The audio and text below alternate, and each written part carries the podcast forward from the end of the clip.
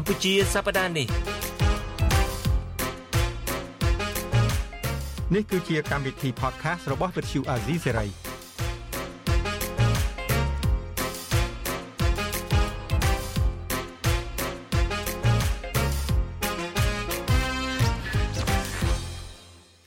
បាទខ្ញុំបាទយ៉ងច័ន្ទតារាសូមជម្រាបសួរលោកអ្នកនាងអ្នកស្ដាប់វិទ្យុអាស៊ីសេរីទាំងអស់ជាទីមេត្រីនៅក្នុងកម្មវិធី podcast កម្ពុជាសប្តាហ៍នេះខ្ញុំបាទក៏សូមជម្រាបសួរបងសេចបណ្ឌិតផងបាទ បាទជំរាបសួរតារាហើយខ្ញុំបាទសេចបណ្ឌិតក៏សូមជម្រាបសួរអស់លោកនាងកញ្ញាទាំងអស់ដែរនៅក្នុងកម្មវិធី podcast របស់វិទ្យុអធិស្រីកម្ពុជាសប្តាហ៍នេះបាទហើយយ៉ាងម៉េចទៅពីសប្តាហ៍នេះជាមួយលោកសំពូលីដោយហឹកធាក់សម្បើមណា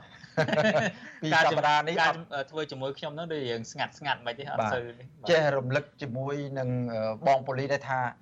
ពីសប្តាហ៍នេះដូចនឹក លោកយ៉ងច័ន្ទរាឥឡូវសប្តាហ៍ទី3បានជួបដូចក្តីប្រាថ្នាអញ្ចឹងអត់ទេលោកអ្នកនាងប្រហែលជារងចាំវត្តមានលោកជុនច័ន្ទបុតឯណោះទេអញ្ចឹងអាចថាឆាប់ឆាប់ហ្នឹងគាត់នឹងត្រឡប់មកវិញហើយលោកអ្នកនាងនឹងបានស្ដាប់កម្មវិធី podcast កម្ពុជាសប្តាហ៍នេះរវាងលោកសំពលីជាមួយនឹងលោកជុនច័ន្ទបុតនៅពេលឆាប់ឆាប់នេះហើយបាទហើយកម្មវិធីយើងនៅពេលនេះយើងមានភ្ញៀវកិត្តិយសមួយរូបចូលរួមជាមួយយើងគឺលោកវ៉ាន់ចាន់ឡូត ដែលជាអ្នកសិក្សាផ្នែកច្បាប់ហើយនឹងជាអ្នកតាមដានស្ថានភាពនយោបាយនៅកម្ពុជាផងពួកខ្ញុំទាំងពីរសូមជម្រាបសួរចាន់ឡូតពីចម្ងាយបាទបាទចាន់ឡូតជម្រាបសួរបាទបាទជម្រាបសួរបងទាំងពីរបាទសុខទុក្ខយ៉ាងណាដែរបាទនៅបាទហើយហ្នឹងយើងនៅខាងនេះអានីសមុទ្រនេះបានសុខទុក្ខជាធម្មតាទេហើយចាន់ឡូតវិញយ៉ាងម៉េចដែរឥឡូវដល់រដូវបុណ្យអុំទូកអអំបុកសាពះប្រខែផងហើយបានត្រៀមលក្ខណៈអីខ្លះទេនៅថ្ងៃបុណ្យអុំទូកសាពះប្រខែនេះ ដែលត្រៀមអីបង មានចេកមានអីត្រៀមឲ្យនៅតាមបុកទេបាទតាមបុកថែមទឹកដូងទៅយើងអាចអកបានដែរបាទអូខេបាទអត់ខ្លាចមុខដាច់ស្តុកទេចន្លោតបានអត់អីទេបងបាទខ្មែរយើងគឺសម្បូរសម្បូរស្រូវបាទពេលខ្លះយើងនាំចេញទៅមិនបានយើងនៅសល់នៅក្នុងនេះអញ្ចឹងអត់ខ្វះទេបាទ ស្រូវបាទនៅសល់ស្រូវបាទអឺដល់ពេលចាន់លូនយើងរឿងបុកជែងបុកអញ្ចឹងធ្លាប់នៅស្រុកនោះបានភ្លក់បុកបានដាល់បុកបានអកបុកនៅរដូវបុនអុំទូកសាពះប្រខែណាដល់នឹកដល់ឃើញបុកចំឃ្លានណាចាន់លូនបងសេងដិតអាចអកអង្គសិតក៏បានដែរបាទអាចខ្ចីអង្គអក20ឆ្នាំមុនយើងបាទ10 20ឆ្នាំមុនទស្សនវិជ្ជាគឺថាវាសុបាយណាស់ពេលបនទេម្ដងម្ដងណាក៏ ប៉ុន្តែឥឡូវនេះគឺថាពេលបន្ទេម្ដងម្ដងយើងឃើញពលរដ្ឋយើងមុខជូរហ្មងបាទមុខជូរហ្មងជូរអីឧទាហរណ៍ថាបនអុំទូកឡើងមកលេង2 3ថ្ងៃឬក៏បនភ្ជុំទៅលេង2 3ថ្ងៃឬបនចូលឆ្នាំដឹងតែដាច់មួយខែហើយតែដាច់មួយខែហើយដឹងតែមកហើយ CEO បាទបដល់ផ្ទះហើយបាទ CEO តនេគេនោះបាទអញ្ចឹងដែរយើងពីមុនយើងយើងអត់មានអត់បានវាមិនលោឆែកមែនតែអត់ជពាក់គេ ដល់អត់ជពាក់ទេអារបស់របរហូបចុកត្រីសាច់បន្លែបកាអីនោះជុំវិញផ្ទះបឹងបួវាមានបាទដល់ទៅមកឥឡូវយើងដើរទេជី50 60គីឡូរកកូនបឹងមួយអត់ឃើញទេបាទឥឡូវនេះពិបាករកណាស់បាទ ហ្នឹងហើយចាន់ឡូតអ្វីដែលយើងអញ្ជើញចាន់ឡូតមកចូលរួមកម្មវិធី podcast នៅពេលនេះហ្នឹងគឺថាតកតងទៅនឹងសារចុងក្រោយមួយដែលលោកហ៊ុនម៉ាណែតបានមានប្រសាសន៍ថ្មីថ្មីនេះគឺថាគាត់បានព្រមានទៅកាន់សហជីពថាកុំអោយជ្រោកក្រោមផ្លាកសហជីពហ្នឹងហើយយកកម្មករហ្នឹងទៅបំរើឲ្យប្រយោជន៍នយោបាយ ហើយសារនេះយើងឃើញថាមានប្រតិកម្មច្រើនដែរពីខាងសហជីពឯករាជ្យបាទទី1ប្រតិកម្មរបស់សហជីពឯករាជ្យហ្នឹងត្រង់ថាបើដឹងច្បាស់ថាសហជីពណាធ្វើការមិនត្រឹមត្រូវឲ្យដោះស្រាយជាមួយសហជីពហ្នឹងទៅកុំមានការពមៀនអីចឹងហើយមួយទៀតតកតងទៅនឹងថាសារនយោបាយរបស់លោកហ៊ុនម៉ាណែតនេះក៏ហាក់ដូចជាដើរប្រច្រាស់ដែរប្រ ច្រាស់នៅត្រង់ថាគាត់ខ្លួនឯងហ្នឹងគាត់កំពុងចោះជួបកម្មករអីហ្នឹងដើម្បីបានប្រយោជន៍នឹងឯងដូច្នេះចង់ដឹងចំណាប់អារម្មណ៍ពីចន្លោតតែម្ដងទៅតកតងទៅនឹងសារពមៀនរបស់គាត់នេះថាតើវាមានលក្ខណៈត្រឹមត្រូវឬមិនត្រឹមត្រូវត្រង់ចំណុចណាដែរបាទអរគុណច្រើនបងហើយមុននឹងចាប់ផ្ដើមខ្ញុំក៏តែប៉ុន្តែកម្មវិធី podcast នេះចេះនឹកភ្នោពី3ថ្ងៃហើយនឹកឃើញតានេះបាទស្រួល AFA អញ្ជើញចូល តែចេះនឹកភ្នោអញ្ចឹងណាបាទដល់តែពេលផឹកមិញនេះគឺពេលងើបឡើងមកឃើញផ្សារបងអឺតារា message មកអញ្ជើញបាទហើយអញ្ចឹងទៅឥឡូវក៏បានចូលមែនបាទមានន័យថាពេលខ្លះវាមានអារម្មណ៍អញ្ចឹងដែរណាបាទបាទនឹកដល់ចាស់ដែរបាទអញ្ចឹងប្រធានបទបាទដោយប្រធានបទយើងជជែកអញ្ចឹងតែតន្តែនឹងលោកនាយករដ្ឋមន្ត្រីហើយដូចជាគាត់ចោះជួបវាខ្ទង់ជា10 10លើក11លើកហើយជួបកម្មករណា ហើយបើយើងគិតពីចំនួនវិញមិនតិចម៉ឺនអ្នកទេបាទហើយតាមដឹងក្នុងការជួបជួបហ្នឹងគឺសុទ្ធតែមាននៅធីបបាទមាននៅធីបជូនកម្មករក៏ប៉ុន្តែធីបហ្នឹងដូចជាមិនតាន់ដឹងថាមានប្រភពមកពីខាងណាទេដែលជាអ្នកចេញថ្លៃធីបហ្នឹងបាទចេញថ្លៃបាយចេញថ្លៃអីតុកមូលហ្នឹងបាទដូចជាមិនតាន់ទេហើយការជួបនេះតាមពិតវាមិនមែនជារឿងដែលអត់មានផែនការទេបើយើង ទេយើងនិយាយនេះមិននិយាយជំនួសគាត់ទេណាបាទយើងគាត់ថាពីព្រោះខ្ញុំគឺជឿថាក្នុងនាមមេដឹកនាំប្រទេសមួយធ្វើអីប្រហែលជាសុទ្ធតែត្រូវតែមានផែនការច្បាស់បាទហើយសុទ្ធតែមានគោលដៅបាទហើយគោត្រូវគិតថាវាបានប្រយោជន៍អីសម្រាប់ខ្លួនឯងជាពិសេសគឺប្រយោជន៍នយោបាយមកហ្នឹងជាទូទៅប្រទេសណាក៏ដូចប្រទេសណាមេដឹកនាំណាក៏ដូចមេដឹកនាំណាដែរអញ្ចឹងបើយើងមើលការចុះជួបកម្មករនេះការចំនួនឪពុករបស់លោកក៏ធ្វើអញ្ចឹងដែរជាពិសេសដែល យើងឃើញចាប់ផ្ដើមមានការចុះជួបកម្មករសកម្មបំផុតហ្នឹងគឺបន្ទាប់ពីរំលាយសង្គ្រោះជាតិយើងឃើញថាឪពុករបស់លោកគឺចុះជួបកម្មកររហូតមកដល់ឥឡូវក្នុងរជ្ជកាលរបស់កូនប្រុសរបស់គាត់ក៏គាត់ផ្ដាំផ្ញើទៀតត្រូវតែចុះជួបកម្មករជាអតិភិបបាទអញ្ចឹងសកម្មភាពជាអតិភិបនេះយើងបើតាមអ្វីដែលខ្ញុំមើលឃើញណា ខ្ញុំសុំថាមិនវិភាគអីឲ្យស៊ីជម្រៅទេយើងទៅចែកគ្រាន់តែជាគំនិតជាយោបល់តើខុសខ្ញុំគិតថាយើងអាចស្ដាប់គ្រាន់កំសាន្តបាទអញ្ចឹងទំនងជាឃើញថាកម្មករគឺជាកម្លាំងមួយស្នូលខ្លាំងហើយជាបទពិសោធន៍តាំងពី90ជាង95 96តាំងពីលោកជាវិជាអីមករហូតយើងឃើញថាចលនាមហាជនភាគច្រើនគឺកើតចេញពីចលនារបស់កម្មករហ្នឹងមកបាទហើយ2013 14 15ក៏យើងឃើញជាក់ស្ដែងដែរ គឺថាចលនាដែលកើតឡើងខ្លាំងពុះ control តែរដ្ឋាភិបាលមានការបារម្ភខ្លាំងក៏ជាកម្លាំងរបស់កម្មករដែរប៉ុន្តែយើងចាប់សួរថាតើសុកសុកកម្មករគាត់ទៅពុះ control គាត់ទៅធ្វើចលនាបាតកម្មកោតកម្មអញ្ចឹងទេវាមិនមែនទេអានេះក្នុងនាមយើងអ្នកតាមដានយើងមើលណាខ្ញុំជឿថាមនុស្សបើសុកសុកឲ្យទៅធ្វើទៅរោងបងទៅរោងក្របកភ្លើងទៅទៅពាំងរត់ក្រោះទៅពាំងអីខ្ញុំតាទេសុកសុកមនុស្សប្រហែលជាមិនទៅ ទៅលះបង់អីដល់ថ្នាក់ហ្នឹងទេបើសិនជាមិនមានការឈឺចាប់ណាមួយ តែថា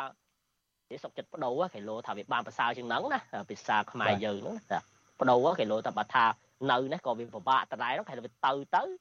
គេលោឲ្យបានទៅវាប្រសើរបាទអញ្ចឹងគឺវាពាក់ព័ន្ធសំខាន់បំផុតគឺរឿងកាពះបាទហើយដូចយើងទៅចែកដូចលោកសេបណ្ឌិតលើកឡើងអញ្ចឹងរឿងបញ្ហាស្រុកយើងនេះបើថាទៅចែកមិនអស់ទេ បាទហើយបញ្ហាវានៅអត់មានទៅណាឆ្ងាយទេគឺតែនៅក្នុងកាពះមួយដុំតែប៉ុណ្ណឹងបាទអញ្ចឹងរឿងកម្មករគឺរឿងកាពះកាពះយ៉ាងម៉េចយើងមើលអំពីអតិផលមកតំណែងឡើងថ្លៃគ្រប់ប៉ុន្តែការងារប្រាក់ខែបានត្រឹម200 200តិចតួចបូកជាមួយនឹងការចំណាយសពបែបយ៉ាងជាពិសេសគឺអាចចំណាយទៅលើការបង់ធនាគារហ្នឹងហើយរដ្ឋាភិបាលខ្ញុំជឿថាมันបដិសេធទេអារឿងនេះ ពីព្រោះតួលេខគឺមានទាំងអស់នៅក្នុងធនាគារអ្នកណាខ្ចីអ្នកណាអ្នកណាខ្ចីអ្នកណាអីគឺថាធនាគារមានទាំងអស់ប៉ុន្តែបើថារដ្ឋាភិបាលបដិសេធតាទេពលរដ្ឋខ្មែរ50 60%ទេជាពាក់អញ្ចឹងសូមឲ្យបញ្ចេញតួលេខមកហើយលោកថាមានទាំងឈ្មោះខ្ញុំឈ្មោះអីហើយលោកវាអត់មាននៅក្នុងហ្នឹងអាហ្នឹងវាស្រួលវាចឹងថាបាទអញ្ចឹងការចុះជួបហ្នឹងយើងឃើញគឺរដ្ឋាភិបាលត្រូវតែគ្រប់គ្រងកម្លាំងកម្មករស្អមកម្លាំងកម្មករឬក៏កម្ដៅរបស់កម្មករឲ្យបាន ទី1ទី2នៅក្នុងកម្លាំងកម្មករនៅមានចលនាសហជីពសេរីយើងហៅថាសេរីចឹងចោះឬចលនាសហជីពដែលមិនចំណោះឲ្យគណៈបកនយោបាយកន្លែងនេះគណៈបកនយោបាយយើងមិនសំដៅតែទៅលើគណៈបកប្រជាជនមួយទេសូម្បីតែគណៈបកប្រឆាំងឬគណៈបកទៀតក៏ដោយសង្គមស៊ីវិលតាដែលគេធ្វើការមានវិជ្ជាជីវៈគេត្រឹមត្រូវហើយដែលជាអ្នកផ្ដល់នៅចំណេះដឹងអំពីទស្សនវិជ្ជាសង្គមអំពីទស្សនវិជ្ជានយោបាយសេដ្ឋកិច្ចអីទាំងអស់ហ្នឹងទៅដល់កម្មករអញ្ចឹងកម្មករគាត់អាច មានឱកាសច្រើននៅក្នុងការស្វែងយល់ថាតើបញ្ហាដែលគាត់ជួបប្រទះដែលកំពុងតែកើតមានក្នុងសង្គមហ្នឹងអ្នកណាជាអ្នកបង្កើតហើយអ្នកណាត្រូវមានការទទួលខុសត្រូវហើយអត់ដូចទៅនឹងរដ្ឋាភិបាលលើកឡើងថាទេមកពីបកប្រឆាំងមកពីសង្គមស៊ីវិលនេះទេមកពីសហជីពនេះអាហ្នឹងគ្រាន់តែជាភាសាប្រជាបទទេពីព្រោះខ្លួនឯងដែលទទួលបានអំណាចពីពលរដ្ឋត្រូវតែមកដោះស្រាយបញ្ហាហ្នឹងជូនពលរដ្ឋអាហ្នឹងបើរដ្ឋាភិបាលនិយាយអញ្ចឹងទោះបីជាមិនតតដោះស្រាយបានខ្ញុំក៏គ្រប់គ្រងដែរ ប៉ុន្តែបើថាក្នុងអាណត្តិខ្លួនឯងដឹកនាំហើយយើងអត់តង់ប្រែងដោះស្រាយយើងអត់តង់ប្រែងទទួលខុសត្រូវទៅលើការដឹកនាំហ្នឹងហើយយើងចេះទម្លាក់កំហុសទៅអ្នកណាអ្នកណីអាហ្នឹងអត់កាត់អាហ្នឹងមួយមួយទៀតគឺថាដូចខ្ញុំបានលើកឡើងអញ្ចឹងកម្លាំងមហាជនភាគច្រើនគឺកើតចេញពីកម្លាំងកម្មករហើយរដ្ឋាភិបាលបារម្ភក្នុងជាពិសេសក្នុងកលៈទេសៈនេះហើយបើយើងនិយាយអំពីកម្លាំងផ្សេងផ្សេងទៀតមានប្រសង់មានយុវជនឬក៏បពប្រឆាំងឬក៏សហគមន៍ជនជាតិដើមភាគតិចអីទាំងអស់ហ្នឹងសឹងតែរដ្ឋាភិបាល control បានហើយ គ្រប់គ្រងបានហើយអញ្ចឹងនៅតែកម្លាំងចលនាកម្មករមួយទេ ដែលរដ្ឋាភិបាលពិបាកលេងគេហៅថារដ្ឋាភិបាលអាច play politics អាចលេងនយោបាយបានប៉ុន្តែរដ្ឋាភិបាលមិនអាច play economic គឺហៅលេងជាមួយកាពះបានទេពីព្រោះរឿងកាពះមិនមែនស្រុកយើងជាអ្នកកាច់កោទេបាទគឺវាពាក់ព័ន្ធទៅដល់សហគមន៍អន្តរជាតិហើយកាលណាតែពលរដ្ឋបាត់ឃ្លានហើយគឺថាទុកអីមិនស្មើទុកអត់ឃ្លានណាអញ្ចឹងគឺថាថាឃ្លានហើយគឺត្រូវតែចេញតាមផ្លូវហើយបាទ កន្លែងហ្នឹងអញ្ចឹងហើយដែររដ្ឋាភិបាលបារម្ភណាដែលខ្ញុំមើលទៅបាទ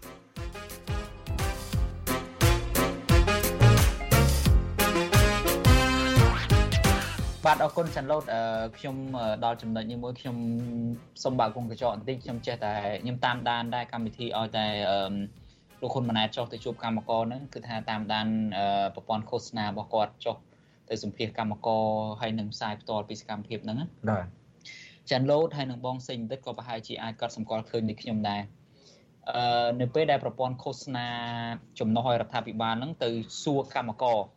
ភាគច្រើនគាត់សួរដឹកមុខទាំងអស់កម្មកម្មករហ្នឹងគឺថាចាំតែឆ្លើយចាស់ចាស់ទៅតាមគាត់សួរទៅឧបមាថាគាត់សួរថាប្រទេសជាតិអីរីកចម្រើនអីយ៉ាងម៉េចទៅឃើញមានការរីកចម្រើនទេក្រោមសម័យសម្ដេចតេជោឥឡូវនេះសម្ដេចហ៊ុនម៉ាណែតហ្នឹងក៏បន្តវេនបន្តវេនអញ្ចឹងទៅសួរហ្នឹងហើយកម្មករហ្នឹងក៏អ្នកខ្លះក៏ ជួនកាលគាត់ឆ្លើយតាមត្រង់ដែរគាត់ថាវាអត់ទាន់ដឹងថាមិនទេអត់ទាន់ទុកចិត្តបានអញ្ចឹងណាហើយគាត់ក៏ប្រវៀងទៅសួរទៅនិយាយអីណាផ្សេងអញ្ចឹងទៅហើយងាកមកមេកាយរបស់គាត់ហ្នឹងសម្ដេចហ៊ុនម៉ាណែតហ្នឹងណាបាទដែលយើងថាជាមេកើហ្នឹងវាព្រោះអ្នកកសែតមួយចំនួនហ្នឹងគឺថាខ្លាចជាឯកឧត្តមលោកជំទាវអស់ហើយដោយសារការផ្សាយឃោសនាពីនយោបាយឲ្យពួកអ្នកដឹកនាំហ្នឹងណាបែរទៅជានាំគ្នារំលឹកអឺសំបីតែលោកហ៊ុនម៉ាណែតខ្លួនឯងទៅលោកហ៊ុនសែនខ្លួនឯងហ្នឹងពេលដែលជួបកម្មករហ្នឹង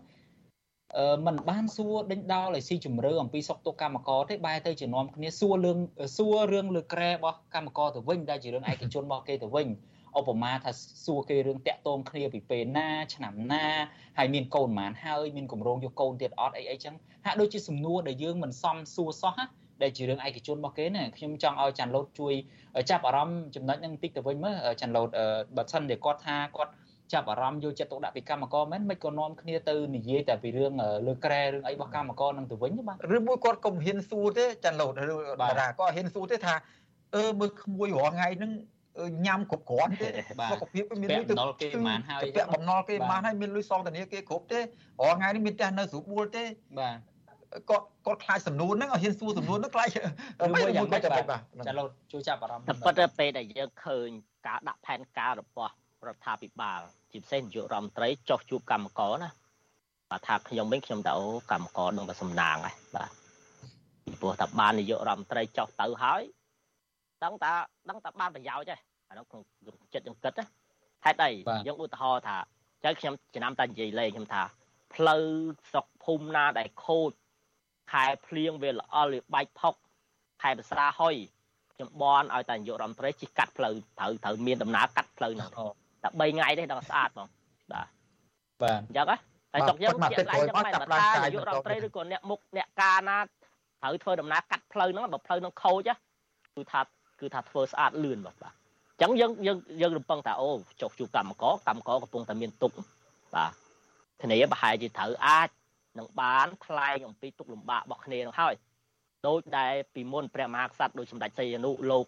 បើកបជាមតិអញ្ចឹងណាមួយឆ្នាំម្ដងពីរដងអញ្ចឹងសម័យសង្គមរាស្ត្រនិយមណាឲ្យពលរដ្ឋច្អល់មុខហ្មងមន្ត្រីតឡាការមន្ត្រីរាជការណាដែលធ្វើបាបរាជដែលជិះជាន់រាជឲ្យពលរដ្ឋឡើងទៅច្អល់មុខហ្មងហើយត្រូវដកដកភ្លាមពេលហ្នឹងបាទថាត្រូវពិចារណាគឺគេមានក្រុមសើមកេតសាវជាវភ្លាមហើយយើងរំពឹងថាបានអញ្ចឹងហើយយើងថាតម្រង់វាវិជាមតិអញ្ចឹងចុះតែជាស្ដាយមានណាពេលដែលចុះទៅជួបមួយម៉ោងកន្លះ2ម៉ោង យើងសួរថាកម្មករមានពេលខ្ញុំថាមិនដូចជាមិនដល់10នាទីផងនៅក្នុងការដែលគាត់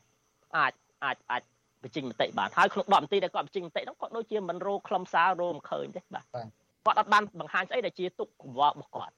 ហើយដូចបងតារាលោកសេមដិតលើកឡើងអញ្ចឹងដល់ទៅពេលគាត់ចុះទៅគ្នាចុះទៅវាសុទ្ធតែមានការរៀបចំពីខាងរោងចក្រ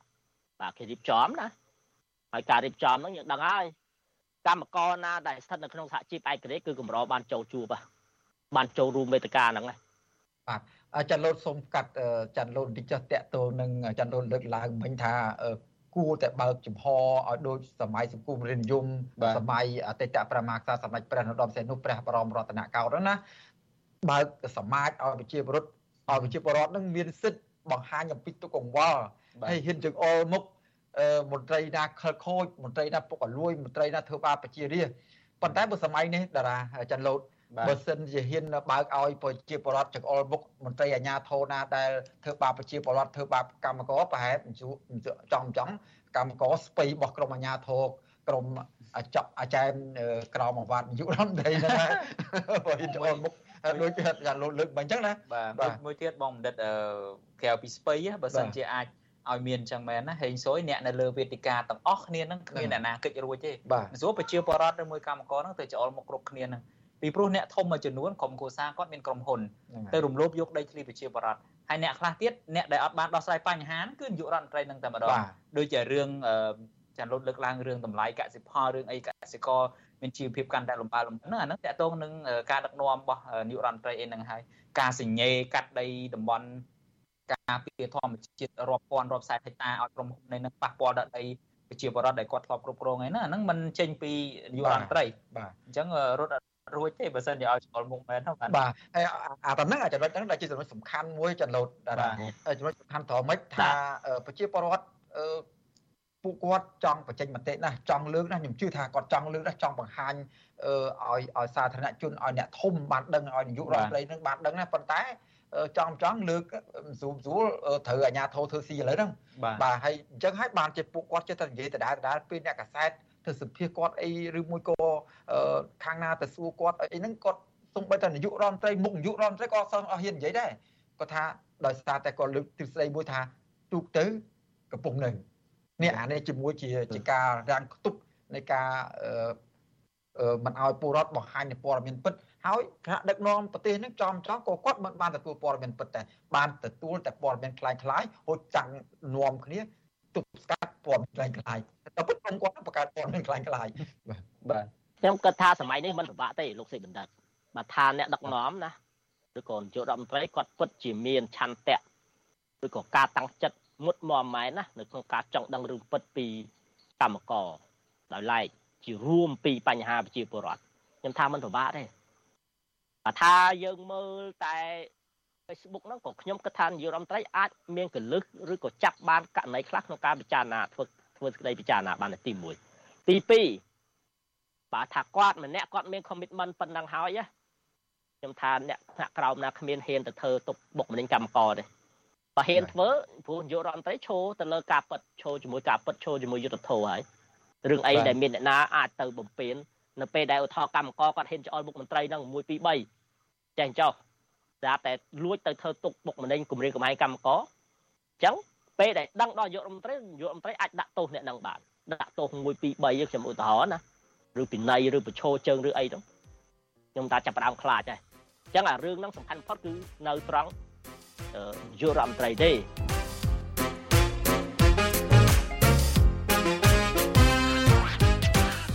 លោតការជជែកយើងក៏ឈានចូលមកដល់ទីបញ្ចប់ហើយដែរនៅត្រឹមចំណុចនេះយើងពិតជាអរគុណចាន់លោតច្រើនមែនទែនដែលបានចំណាយពេលវេលាចូលរួមជាមួយយើងនៅពេលនេះដូច្នេះមកដល់កម្មវិធីខ្ញុំបាទយ៉ងច័ន្ទបាខ្ញុំបាទសូមគ្រប់លាច័ន្ទលោតហើយនឹងគ្រប់លាលោកកចាំតែប៉ុណ្្នេះសិនបាទហើយនឹងមានឱកាសជួបគ្នានៅពេលណាមួយទៀតនៅពេលក្រោយទៀតបាទសូមអរគុណសូមជម្រាបលាបាទជម្រាបលាដូចគ្នាបងបាទ